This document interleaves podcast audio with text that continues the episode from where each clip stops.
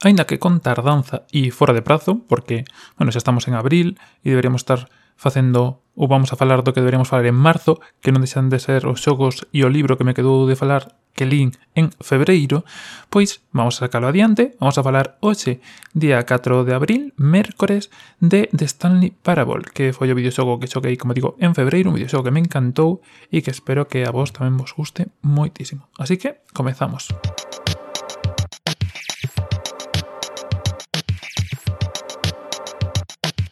Bueno, bueno, bueno, bueno. Pois que sensacións tan raras, tan extrañas, tan diferentes tiña eu antes de empezar este videoxogo, esta pequena obriña que vos traio hoxe e que debo confesar que mirara fai un tempo, máis mirara por un vídeo del Rubius, unha cosa así, que fixeron edición nefasta e eu viña coa idea de que iba a ser un xogo horrible.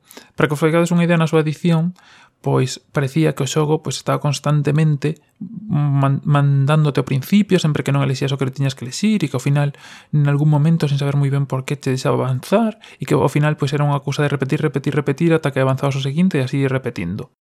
Pero non, non é así. The Stanley Parable non é para nada así. E a verdade é que é unha obra que disfrutei moitísimo, pero para que necesitades saber inglés sí ou sí. Creo que é unha obra super sinxela, que non necesitan ter ningunha habilidade, nin ser especial en nada, nin nada de nada, no, nin reflexos, nin nada. Todo o que precisa que seibades inglés, que o entendades bastante ben. Non sei se hai subtítulos, pero bueno, se si non o entendedes, os subtítulos son necesarios, pero é unha obra moi disfrutable e que sobre todo fai reflexionar tanto dos videoxogos como do papel dos, dos, do que facemos nós dentro do videoxogo, como do acotado que están os videoxogos. Bueno, un conxunto de cousas super interesante. Pode que algúns de vos se sodes moi aficionados aos videoxogos xa coñecerades Stanley Parable de antes, xa que no 2011 saiu pois, un xogo casi exactamente igual, que eu creo que teña o mesmo nome, como un mod de Half-Life 2, ese xogo de Valve que tamén ten xa uns aniños. Esta versión que vos traio agora é unha versión pois única, diferente, feita xogo toda ela e que se diferencia evidentemente de, de esa mod de Half-Life 2 porque tam, non tampouco tería sentido sacalo. Decirvos xa de comezo que si queredes tedes unha demo do xogo na página web que vos queda na descripción eh, unha demo que podedes probar un pouco de que vaya o xogo. Pero claro, de que vai o xogo? Pois o xogo non deixa de ser a vida de Stanley. Stanley, ou a paradoxa de Stanley, que sería como podemos traducir este xogo, pois vai de Stanley que un traballador que está na súa oficina, na, no seu despacho 427, ata que un día se decata de que non hai ninguén máis na oficina. E, chegado este momento, pois decide que o mellor é ir ata onde está o xefe e preguntarlle a ver se si non vai a ser que sea un vacacións ou que pasa e se si ele é o único tonto que está naquela oficina. E nese proceso, nese momento, dámonos conta de que a voz que nos está guiando a través do xogo non só é unha voz sino que é o propio narrador, é, o po, é a propia persoa que creou o xogo. Démonos conta desto cando chegamos a unha habitación onde temos unha porta dereita e unha esquerda. E o narrador nos di, Stanley toma a porta da dereita. E aí, pois é onde temos que decidirnos se tomamos a dereita ou tomamos a de esquerda. Digamos que este xogo diferenciase de todo o resto de que non só te permite seguir unha línea recta, metafóricamente, como pasa na maioría dos xogos, xa que si pois reflexionades, pois todos os xogos son ir hacia diante e ir hacia atrás, ainda que sea en tres dimensións, ainda que estemos en GTA, temos unha misión ou a seguinte, ou facemos cousas que como andar en círculos, facemos cousas que son accesorias que non teñen implicacións reais para o personaxe ou vamos facendo as misións hasta que se acaba a historia. Nun sandbox, como os digo, é algo que está máis forzado polas misións que nos van saindo para avanzar na historia principal. No resto dos xogos é algo moito máis claro e directo, é dicir, se é un xogo de dous dimensións, hai que ir hacia a dereita normalmente para seguir avanzando. Se estamos nun xogo estilo Pokémon, temos que avanzar dun pueblo a outro, ainda que Pokémon pode ser máis sandbox tamén, para seguir avanzando.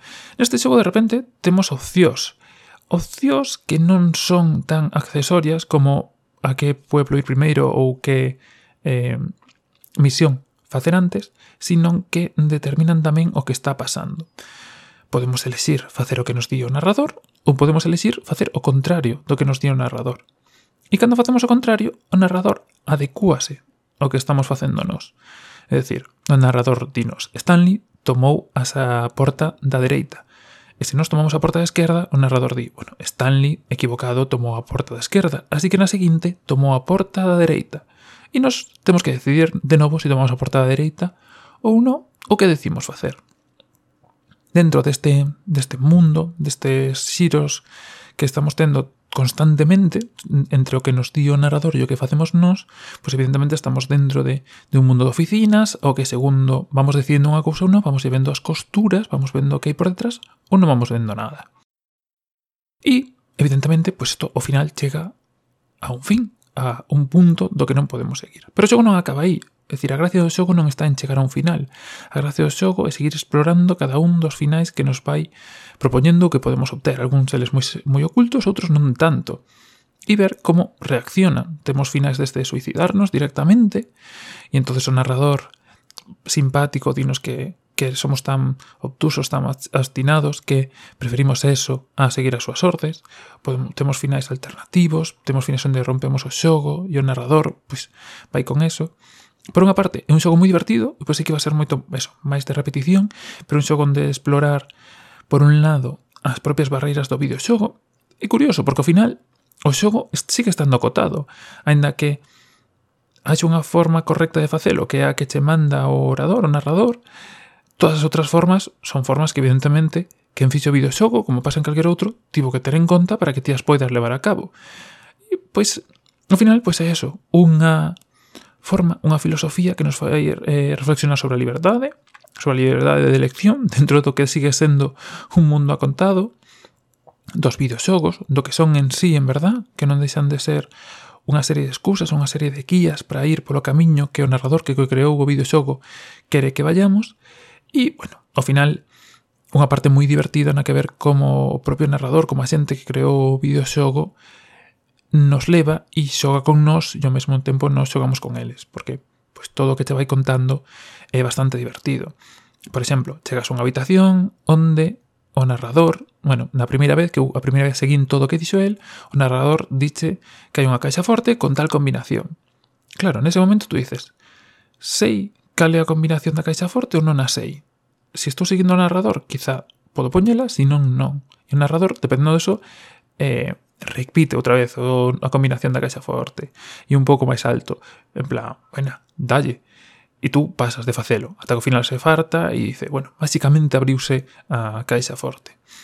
E cousas así. E incluso, que a parte graciosa xo está pensado, pois para meterse, para tolear o xogador incluso pois cos logros. Fixen todos os logros, que son pouquiños e ten algúns moi graciosos, como eh, volve a xogar dentro de 10 anos, que evidentemente, pois eso, a xente foi no cambiando o reloxo, ou xoga un martes enteiro, abres o xogo ou, ou luz a, a última hora e pechalo un mércores a primeira, E todas esas cousas, incluso pois algo tan sinxelo como un logro de dá cinco toques ou chama a porta do despacho 430 cinco veces e chamas. E entón o narrador se empeza a dicir, ah, ves polo logro. Bueno, pero eso parece moi sinxelo. Vamos a facer algo máis. Vai a esta porta. E entón empeza a facer un endramado de cousas absurdas, que ao final son cousas absurdas, que levan a que eh, o que ti pensas que era un logro sinxelo de facer algo, convirtes nunha serie de probas onde, facendo mal e rápido, pois o o narrador, o propio creador do xogo, sabendo que ti vas a querer facer eso, pois puteándote un pouco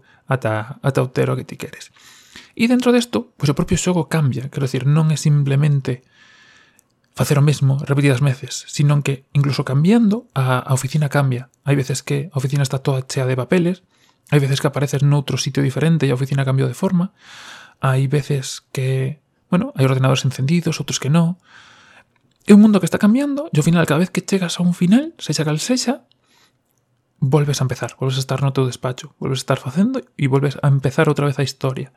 E un pouco, pois eso, un xogo que me gustou moitísimo, moi corto, eso, non require nada, nin procesador, nin nada, sin andar por el, vais a demo se vos apetece, a demo un pouco, pois, o, o como a historia por detrás e o que te podes esperar do xogo, que tamén é moi interesante eh, xogala e probala.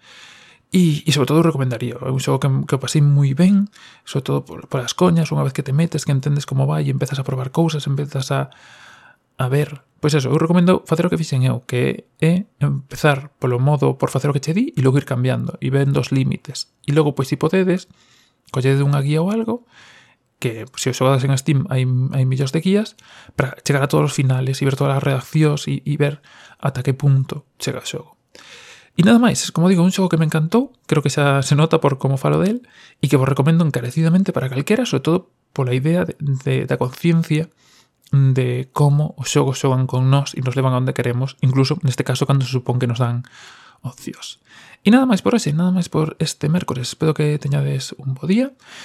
Como sempre, tedes todos os enlaces e descripcións a un vídeo de Dallo que fala desto en profundidade a súa páxina, a páxina do mod, na descripción en podcast.algue.net Y nada más por hoy. Un saludo y hasta la próxima.